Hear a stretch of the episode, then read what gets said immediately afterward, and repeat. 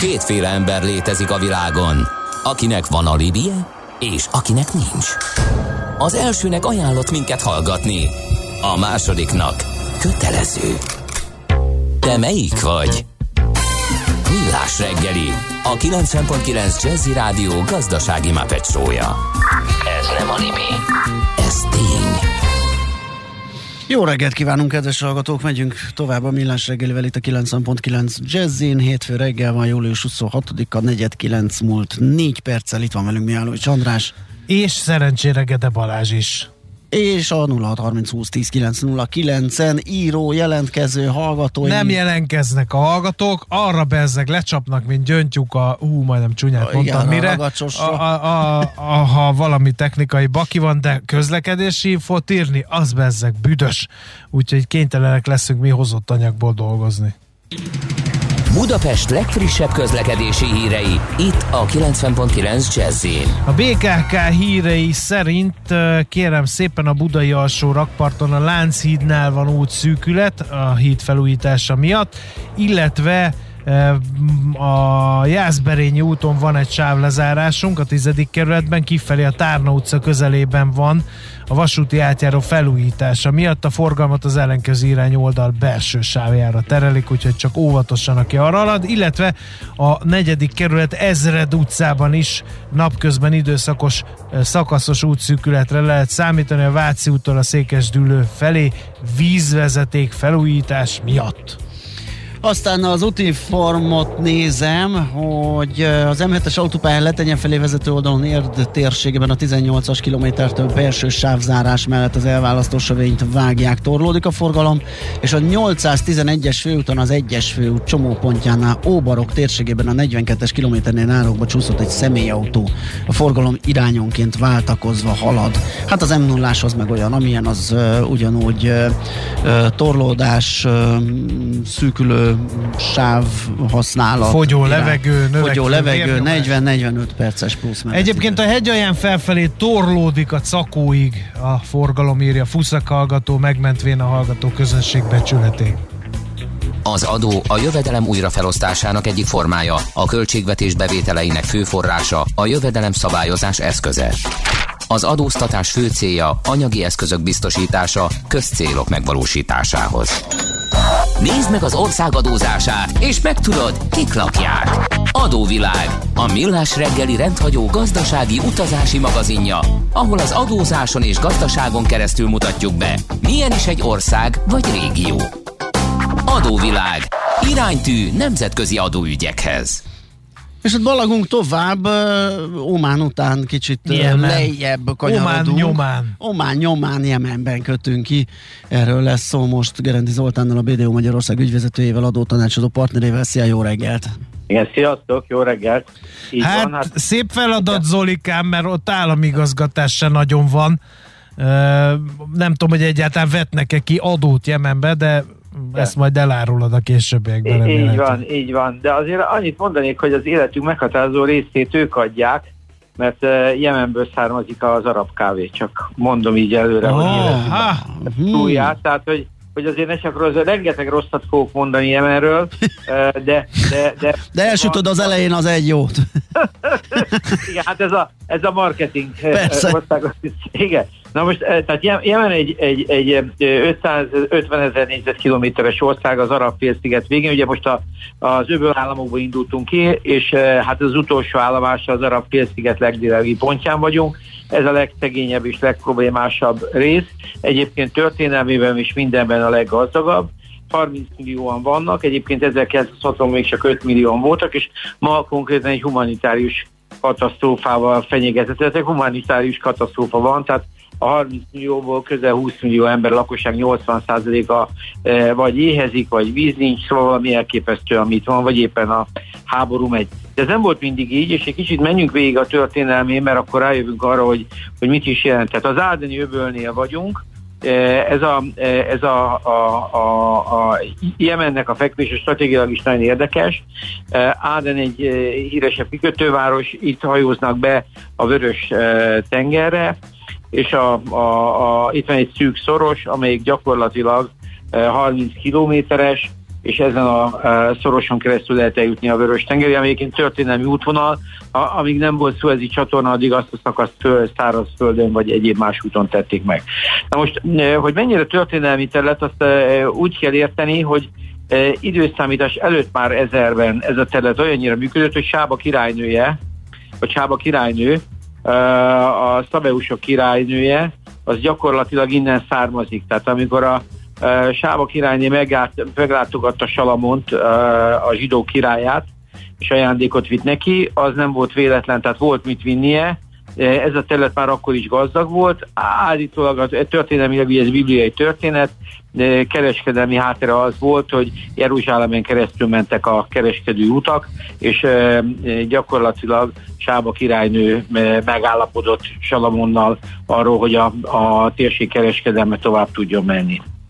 Uh-huh. Tehát ez egy, innen, innen, innen indul ez a történet. Csába királynő nem volt szegény, tehát az egy gazdag ország volt, aminek ő volt a királynője, hiszen ha nem lett volna, akkor nem lett volna gazdag a királynő sem. Így van. Mindez, mindez időszámítás előtt ezerben már létezett, tehát ez fontos.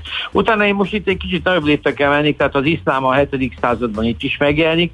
Végig azt, tehát a terület élt, eh, Vörös-tenger környékén, tehát tökéletesen működött minden, eh, majd az iszlámmal különböző dinasztiák veszik át a, a, a hatalmat. E, igazából azt lehet, e, azt lehet rá mondani, hogy itt a kultúra tovább is, tehát itt teljesen önállóan élnek. A 14. században indul el a kávétermesztés, a világon először, és egyébként, hogy, a, hogy még színesebb legyen, van egy kikötőjük, ami a Móka, a Mokha néven megy, ami állítólag ugye a Mokka kávé, uh-huh. az, az innen, innen, innen ered, tehát az ország egyébként földrajzilag nagyon vegyes, nagyon, tehát a, a, a, az ország nagy része hegyekből vagy ilyen felföldekből áll, és a legmagasabb pontja a 3600 méter is lehet egyébként, a, ami a 3600 méter, ami egyébként az Arafélsziget legmagasabb pontja, tehát a kávé termesztéshez e, itt minden adott volt, olyannyira egyébként, hogy e, Jemen akkoriban e, tehát e, e, olyan, olyan erős volt, hogy még Etiópiaig átmentek. A szorosnak a másik oldalán is ők voltak, és az etióp kávé is innen ered.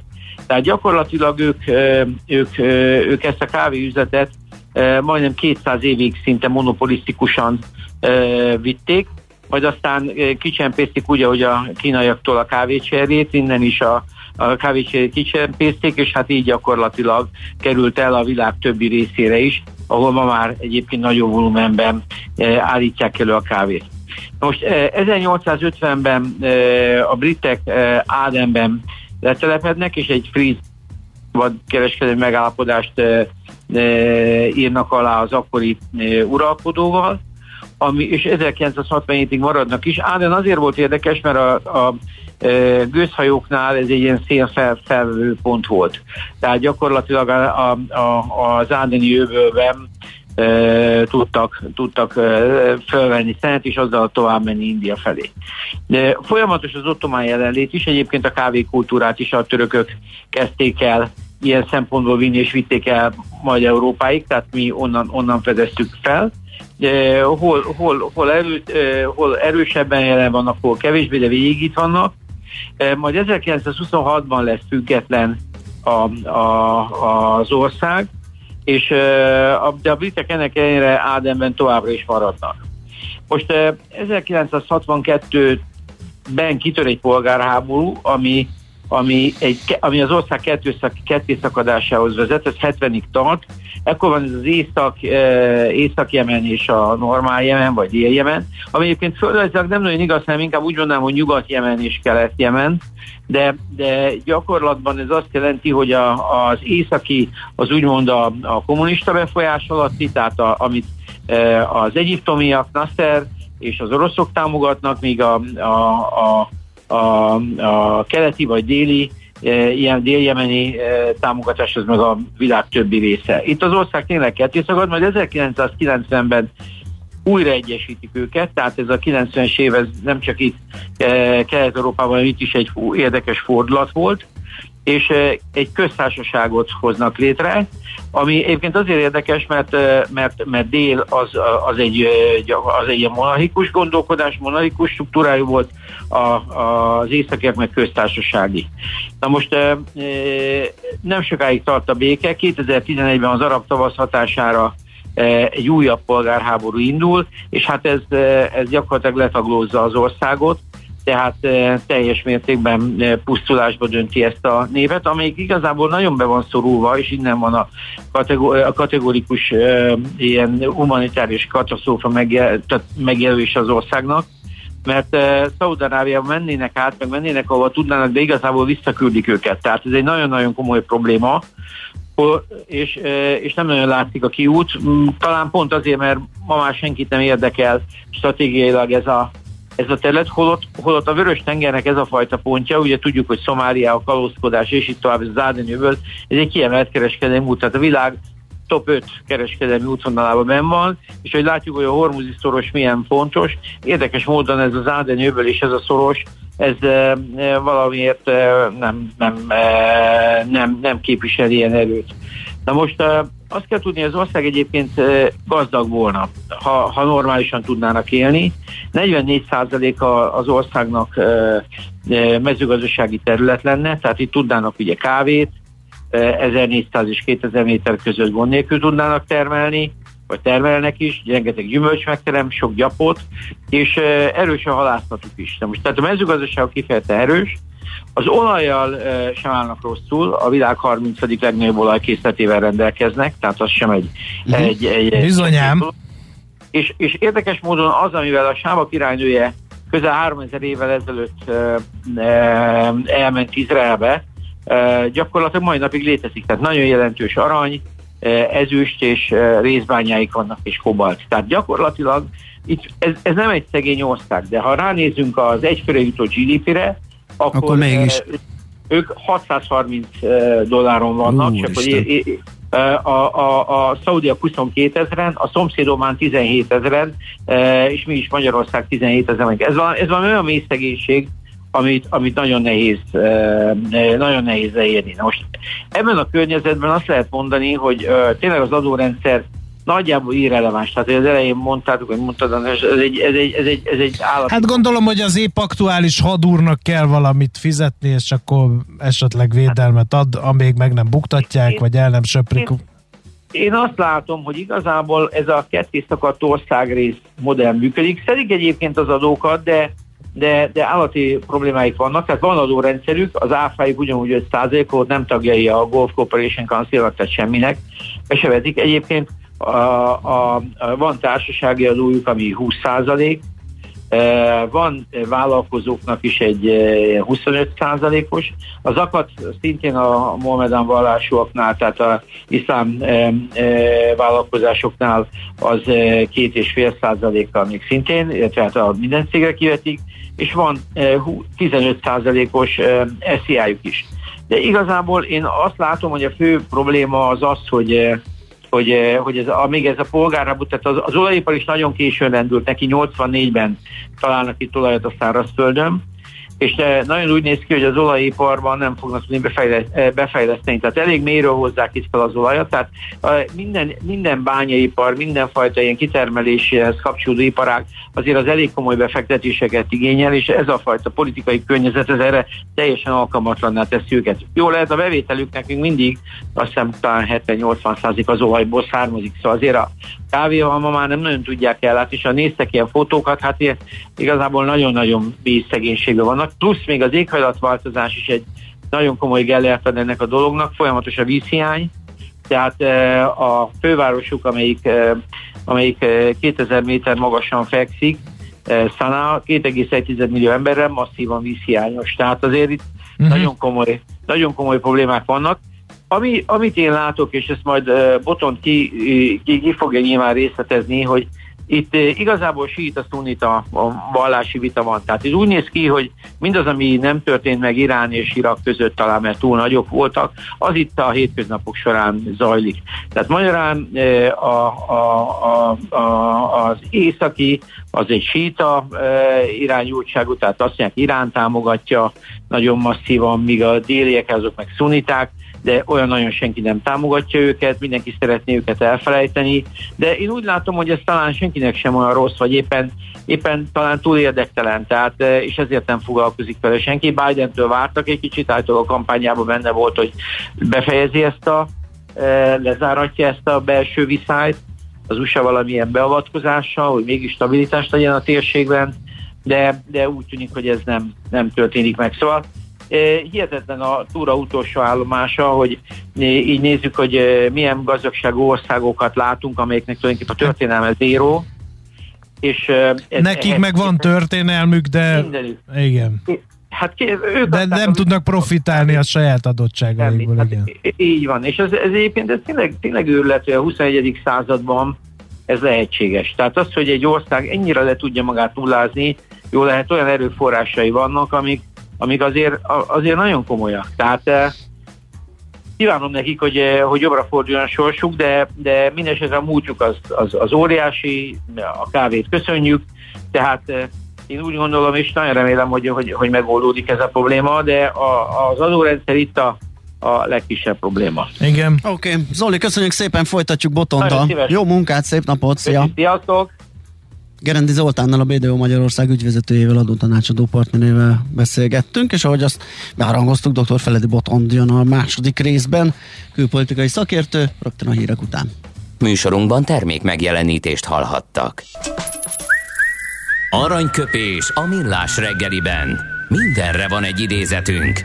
Ez megspórolja az eredeti gondolatokat. De nem mind arany, ami fényli.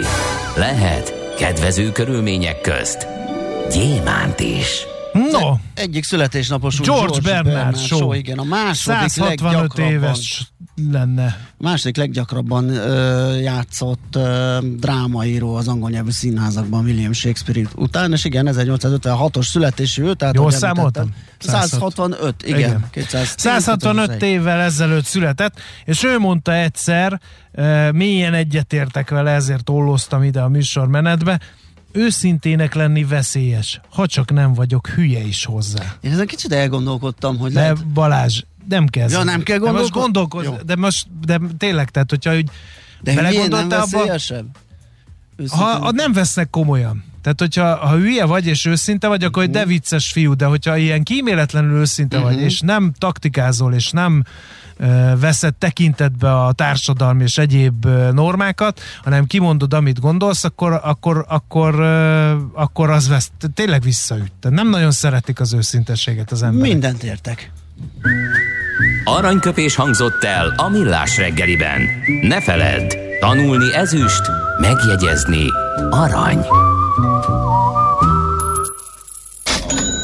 Folytatódik az adóvilág, a millás reggeli rendhagyó gazdasági utazási magazinja. Nézd meg egy ország adózását, és megtudod, kik lakják. Adóvilág. Iránytű nemzetközi adóügyekhez. Na folytassuk, itt van velünk dr. Feledi Boton, külpolitikai szakértő. Szia, jó reggelt! Szervusztok, jó reggelt kívánok! No, hát Jemennel sajnos nem is annyira régen volt akciója Magyarországnak is ugyanis ugye május elején volt azt hiszem, hogy hír az, hogy, hogy elraboltak és meggyilkoltak egy magyar állampolgárt. Egy hangmérnököt, aki e, igen, aki, aki kiderült, gyűjtött. Igen, 43 éves Koltai Györgyről van szó természetesen, és hát akkor ugye elterjedt a magyar sajtóban az a hír, hogy hát Jemen az egy olyan ország, ahol polgárháború van, régóta polgárháború van, és hát gyakorlatilag egyes társadalmi rétegek emberrablásból finanszírozzák. És hát ez a borzasztó szegénység, amit megbeszéltünk, Igen. hogy Gerendi Zolival az éves átlag GDP olyan 600 dollár körül van, tehát rettentő nagy a szegénység.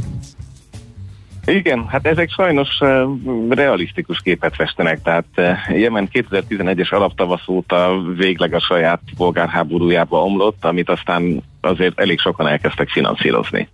Tehát ahogy az lenni szokott, ugye a hallgatók itt már ismerősek a proxy háború kifejezéssel, tehát amikor nagy országok háborúznak, de helyi, helyi klánokat, hadurakat finanszírozva. Ez történik most Jemenben. Jement azért terep szempontjából tényleg úgy képzeljük el, mint egy második Afganisztánt, tehát itt azért keveseknek sikerült eddig dominanciát elérni, ez most sem látszik. Kik feszülnek egymásnak a háttérben? Ugye a, a háttérben a, a, a szokásos regionális szereplőket találjuk meg, ugye a szaudiak nem is a háttérben, hiszen ők már 2015 óta hivatalosan is egy kilenc koalíciós e, erőt vezényelnek, aminek egyébként a háttér támogatását az angolok és az amerikaiak adják. E, itt ugye még Marokkótól, e, Egyiptomon át azért alapvetően szaudi érdekeltségekig vonultak be Jemen egyik felére, míg a másik oldalon az irániak vannak, akik meg kifejezetten érdeklődnek az iránt, hogy a Vörös-tenger irányába is legyen valamilyen közvetett kikötői parti érdekeltségük, tehát nagyon szívesen finanszírozzák, vagy hát láthatólag benne vannak ebben, és nyilván az sem utolsó, hogy az egyébként síta vallású hutikat arra is rá lehetett venni, hogy a konfliktus fokozása közben szaudi területre lövöldözzenek be különböző rakétákat, néha sikeresen, és különböző drónokkal is támadták a dél-szaudi területeket. Tehát azt lehet mondani, hogy ez a polgárháború ez nem éppen kifáradt, hanem fokozódik.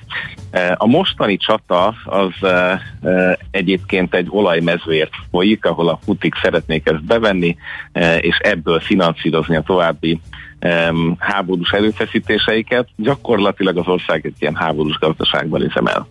Uh, tehát ez, ez, ez most már egy évtizedes, vagy hát uh, ahogy Zori elmondta, egy, egy társadalmi hagyomány, Eh, egészen elképesztő méretű háborús gazdálkodás zajlik. Eh, ez az, amit Omán is, és még az Arab Emirátusok is különböző eh, frakciókkal támogat, és hát ne felejtsük el, hogy az iszlám állam is jelen van, a maga módján az alkaidát, azt az amerikai precíziós támadások eléggé megritkították, de tényleg minden van. Tehát, hogy itt mindenkinek van egy kis csapata, a bukott elnök, a bukott elnök testvére, aki oldalt váltott a hutiktól a szaudikhoz, tehát, hogy Um, önmagában, ha csak a, a, a kapcsolatokat leírnánk, az egy regény.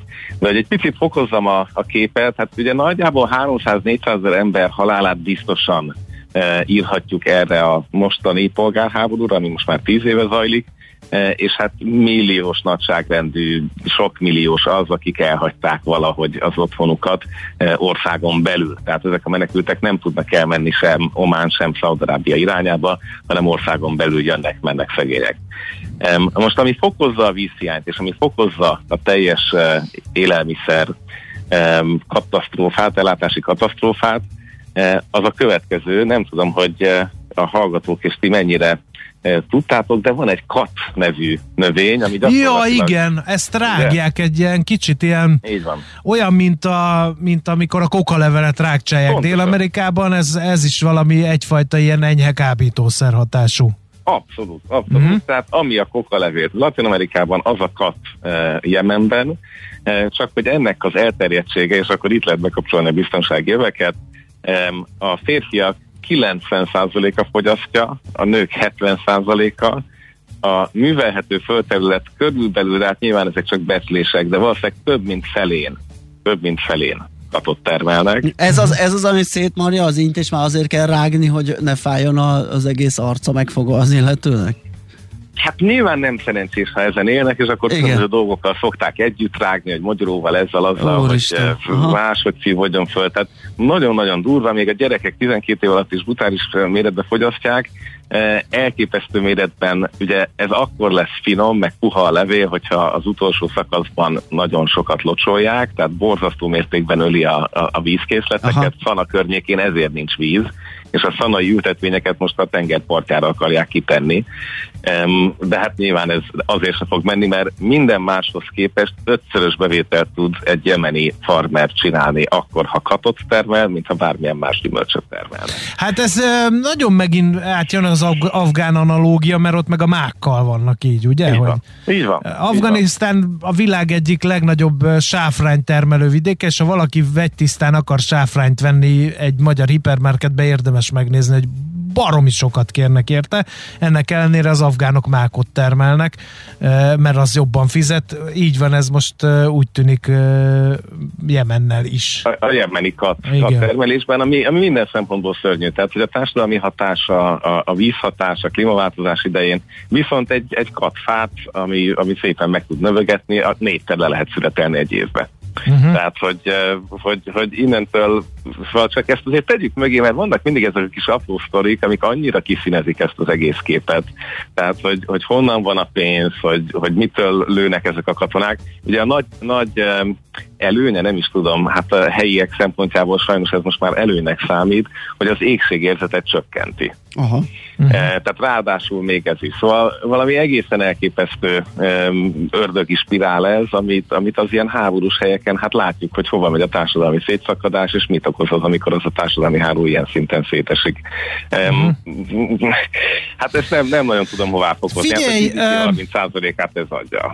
Uh, viszont van olajuk, van kobaltjuk, egy csomó, van aranyuk. Ugye Sába királynőjének analógiáját használta az Zoli az elmúlt percekben. Kizártnak tartom, hogy a nagyhatalmak számára ez nem vonzó, ez a kombó, amit, amit Jemenben ki tudnának bányászni a földből. Kínai barátaink nincsenek ott? Ez az én veszőparipám. Annyira bonyolultak a jemeni viszonyok, uh, és azért itt, itt bele kell állni a háborús finanszírozásba. Tehát uh, ha megnézzük, akkor Amerika dupla proxin keresztül van, tehát a szaudiakon keresztül finanszírozzák a, a volt elnököt, akit megbuktattak annak idején a hutik, amikor elfoglalták a fővárost, tehát itt, itt még Amerika sem úgy van bent, esetleg drónokkal, ugye ezeket láthatjuk uh-huh. egy-két nagy amerikai filmben. Tehát ilyen szinten a kínaiaknak is azért um, érdekes módon ugye ha megnézzük mondjuk közép-afrikai köztársaság, ahol az orosz Wagner e, zsoldosok bemennek, ott azért a kínaiak annyira nem. Tehát a kínaiak ilyen direkt konfliktusokban nem mennek bele, oda mennek könnyebben, ahol van egy e, e, olyan földesúr, vagy hát kormányfő, aki, aki vagy mondjam, egy ablakos ügyintézést tesz lehetővé. Uh-huh. Um, és ez itt hát minden csak nem egy ablak. Tehát itt, uh, itt gyakorlatilag minden útvonalon, ami itt a hegyek között húzódik, valaki más uh, domináns, valamilyen más vallással, egy picit más értelmezéssel, uh, és itt már mindenki, mindenkinek volt a szövetséges és ellensége is. Uh, tehát egyébként a hutik, akiknek azért nem egyértelmű a viszonyuk a szunni többségű uh, másik terület felé, azért ővelük is voltak szövetségbe. Tehát ez nem egy könnyen kiismerhető rész. Úgyhogy nagyobb a költsége ilyen szempontból itt annak, hogy valaki uh-huh. fenntartson egy, egy bányát vagy bármi más. Úgyhogy igazából sem kínai, sem amerikai nagyon durva közvetlen érdekeltségek nincsenek, e, sokkal inkább Hát ez egy darásfészek akkor, amiben nem nagyon szívesen nyúlkál bele senki Igen. sem közvetlenül. Más valamiével szívesen, de a rendezésre, Na, a rendezésre bármi esély uh, mutatkozik? Nem lesz egy az új sába királynője, aki gatyába rázza ezt a szerencsétlen országot? Valahogyan? Volt, volt itt 2014-ben is egy nagy uh, nemzeti uh, párbeszéd konferencia néven fordítható megállapodás, azóta Stockholmtól Svájcon át rengeteg helyen tárgyaltak a felek. Egyébként a hutik leülnek ezekhez a tárgyalóasztalokhoz, csak ugye az történik, hogy most ebbe az olajmezőt folyó csatába egyébként minden eddiginél több hutikatonát valótatnak föl.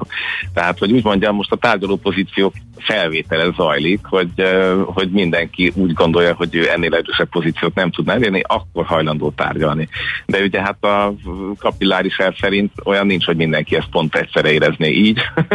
Úgyhogy innentől kezdve van folyamatosan tárgyalás, de ennek nem sok eredménye van, és azért a legtöbb elemző azt várja, hogy tehát itt nem lesz egy erős megállapodás. Uh-huh. Tehát ha még születik is, akkor is csak valami olyasmi, hogy a szaudiak megelégednek azzal, hogy végre nem lőnek át a határon, az omániaknak az egyik tartományban esetleg lesz valami kis befolyása, az emirátusoknak talán nem kell tovább finanszírozni az óriások nevű katonai milícia csoportot. Tehát, hogy ezek, ezek ilyen apró, apró kis győzelmek lesznek, nagy átütő győzelem, de őszintén szólva itt senki nem számít. Tehát azt a befektetést senki nem hajlandó megtenni, vagy nem látni, hogy, hogy annyira rossz lenne a helyzet, miközben globálisan valószínűleg az egyik legrosszabb, hanem a legrosszabb. Igen. Tehát tényleg egészen elképesztő éhezés zajlik. Hát ez csúnya végszó. Így De mit szépítsük, hogyha maga hát, a helyzet persze, ilyen? ez kétségtelen. Úgyhogy köszönjük szépen, Botont, hogy ezt hozzátetted. Jó munkát, szép napot kívánunk. Nektek is hallgatok, szervusztok, köszönöm szépen.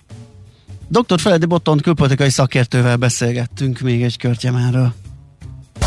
Adóvilág, a millás reggeli rendhagyó gazdasági utazási magazinja hangzott el, ahol az adózáson és gazdaságon keresztül mutatjuk be, milyen is egy-egy ország vagy régió. Adóvilág, iránytű nemzetközi adóügyekhez. Van egy mágikus hang a parketten, amire minden színes öltönyös bróker feszülten figyel.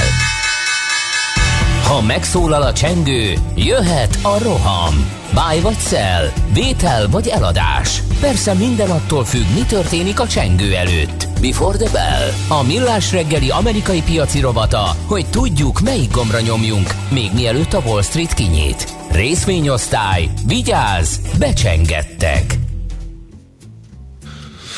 No kérem szépen, mielőtt beszélgetnénk egy kicsit a részvénypiacon, néhány hallgatói észrevétel. Sáfrán Spanyolországba kell venni, ott sokkal olcsóbb, hazafelé a reptéren mindig ez a program.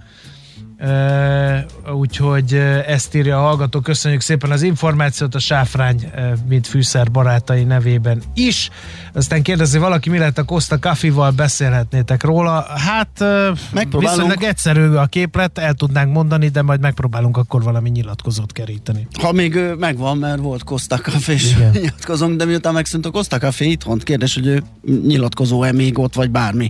Na, de megnézzük, hogy mi újság a nemzetközi porondon, egész konkrétan Amerikában, ugye, ahogy azt már beharangoztuk a műsor elején, vagy volt róla pár szó, gyakorlatilag egy gyors jelentés cunami jön a héten az S&P 500 vállalatok egy harmada, hát ezt mindet nem fogjuk felsorolni, de Lakatos István biztos fog tudni belőlük szemezgetni. Ő az Erste befektetési ZRT USA Desk üzletkötője. Szia, jó reggelt! Sziasztok, üdvözlöm a kedves hallgatókat is. No. Igen, mint ahogy mondtad, az egész nyári szezonnak valószínűleg ez a legérdekesebb hete, ami most következik. Az S&P 500-as cégek közül 165-en fognak ezen a héten jelenteni, és hát úgy érkeznek ezek a jelentések, hogy mind a három fő amerikai index ugye csúcsokon van, a Dow, az S&P 500 és a Nasdaq is. Tehát um, inkább lefele nagyobb a kockázat ebben a jelentésben azonban. Um, én legalábbis úgy gondolom.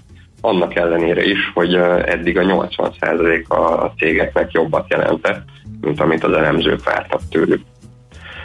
Szintén lesz még a héten majd egy kétnapos jegybankülés, kedden és szerdán, ami után majd a jegybank elnök Pavel is fog beszédet tartani.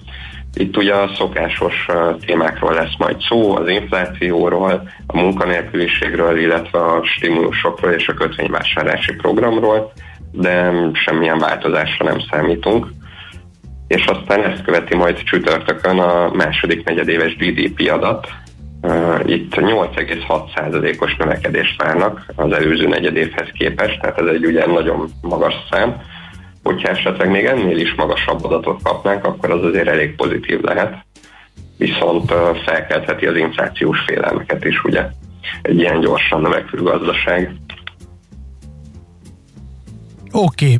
Okay. Uh kiragadjunk néhányat a gyors jelentő cégek közül, amelyek érdekes lehet? Igen, igen, én egy párat megemlítenék no. minden nap, akik érdekesek lehetnek. Mm, hétfő, tehát a mai napot ugye a Tesla fogja kezdeni. Őtől egy elég magas 124%-os EPS növekedést várnak, azonban érdekes, hogy ez úgy jött össze, hogy a legtöbb elemző inkább lefele hozta a várakozásait az elmúlt 30 napban. Ez főként azért van, mert ugyanaz a problémája, mint a legtöbb autógyártónak, hogy hiába nagyon magas a kereslet az új autókra, nem nagyon tudják uh, legyártani megfelelő mennyiségű autót az A chip hiány? Főleg a chip hiány miatt, igen, de ugye a nyersanyagok is um, nagyon drágák, és azokból is hiány van, um, úgyhogy ez így mind összejön, és... Um, Tehát így fog komolyat növekedni a Tesla, hogy igazából nincs is kedvező iparági környezet. Hát igen. Uh-huh. Viszont mivel nem nagyon magasak a, a várakozások, vagy inkább lefele hozták őket, és ugye a Tesla elég messze van a csúcsaitól, hogyha valami jót be tudnának jelenteni, akkor az esetleg még fölfele Aha. is hozhatná az árfolyamot. Itt ugye plegykálják a különböző fórumokon azt, hogy a Tesla kamionról végre hallhatunk valamit, uh-huh. és hogy közel lehet a, a bemutatása, de ez inkább csak plegyka, majd meglátjuk uh-huh. nem sokára. Aztán a keddi napon az Apple-t és a Microsoftot emelném ki. Az Apple-től egy 50%-os profit növekedést várnak éves szinten. Itt ugye ez főleg a szolgáltatásokból származó bevétel hozna ezt a nagy növekedést, illetve az, hogy most már lassan minden új termékük 5G kompatibilis, tehát emiatt ugye jobban cserélik a felhasználók a termékeiket. A Microsoftnál ott kicsit más a helyzet, ott most nagyon-nagyon magasak a várakozások, és általában ő alul szokták becsülni, és úgy szokott nagyon jól teljesíteni. Most viszont abszolút csúcson van a részvény is, és a várakozások is nagyon magasak, tehát um, itt szerintem valami csoda kéne, hogy a Microsoft még innen sokkal magasabbra tudjon menni. Uh-huh. Szerdai nap ott a Boeing lesz az egyik főjelentő, akit kiemelnék. Ő továbbra is veszteséges, most is egy 71 centes um, mínuszt várnak tőle részvényenként, viszont um, az előző negyed évben több mint másfél dollár volt a veszteség, úgyhogy ez így már egy nagy um, haladás vagy előrelépés lenne nekik és a légiutas forgalom is nagyon szépen növekszik Amerikában. Júliusban eddig úgy átlagban 2 millió utas van naponta. Ezt úgy kell nézni, hogy 2019-ben, ugye amikor még jó idők voltak, koronavírus előtt, akkor kicsivel több mint két és fél millió volt az átlag utas forgalom Amerikában júliusban. Uh-huh. Kevesebb, mint fél millió. Tehát kezdünk visszatérni lassan oda, ahol a koronavírus előtt voltunk és ez azt jelenti ugye, hogy a légitársaságoknak is egyre nagyobb igénye lesz majd új repülőket vásárolni, pláne úgy, hogy az elmúlt másfél évben egyáltalán nem voltak új megrendelések. Úgyhogy ha nem is most fog nagyon jót jelenteni a Boeing, de az év második felére mm, ő azért szépen teljesíthet, úgyhogy szerintem érdemes figyelni.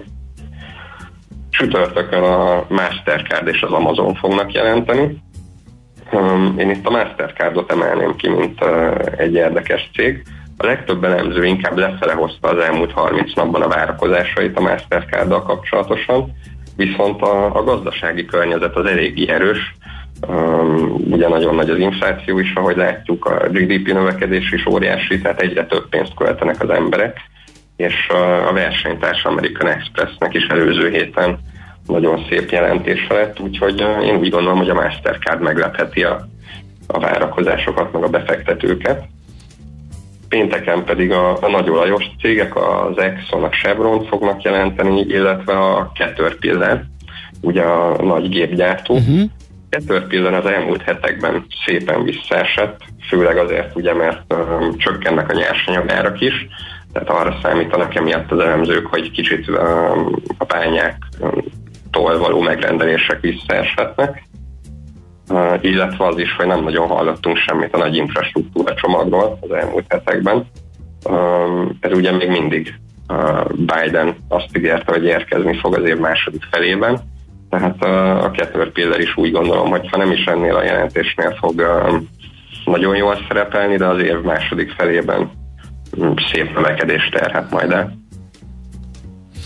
Oké, okay. Hát érdekes hát sűrű csokor, hét, sűrű, sűrű hét. hét, nem fogtok unatkozni, úgyhogy uh, majd visszatérünk, és akkor beszámoljuk. Ezek egyelőre ugye várakozások voltak, ezek a cégek fognak gyors jelenteni, úgyhogy majd meglátjuk, hogy rácáfolnak-e a várakozásokra, vagy éppen beteljesítik a jóslatokat. Köszönjük szépen! Köszönjük szépen, jó munkát, szép napot! Köszönöm, Szia. nektek is! Szia!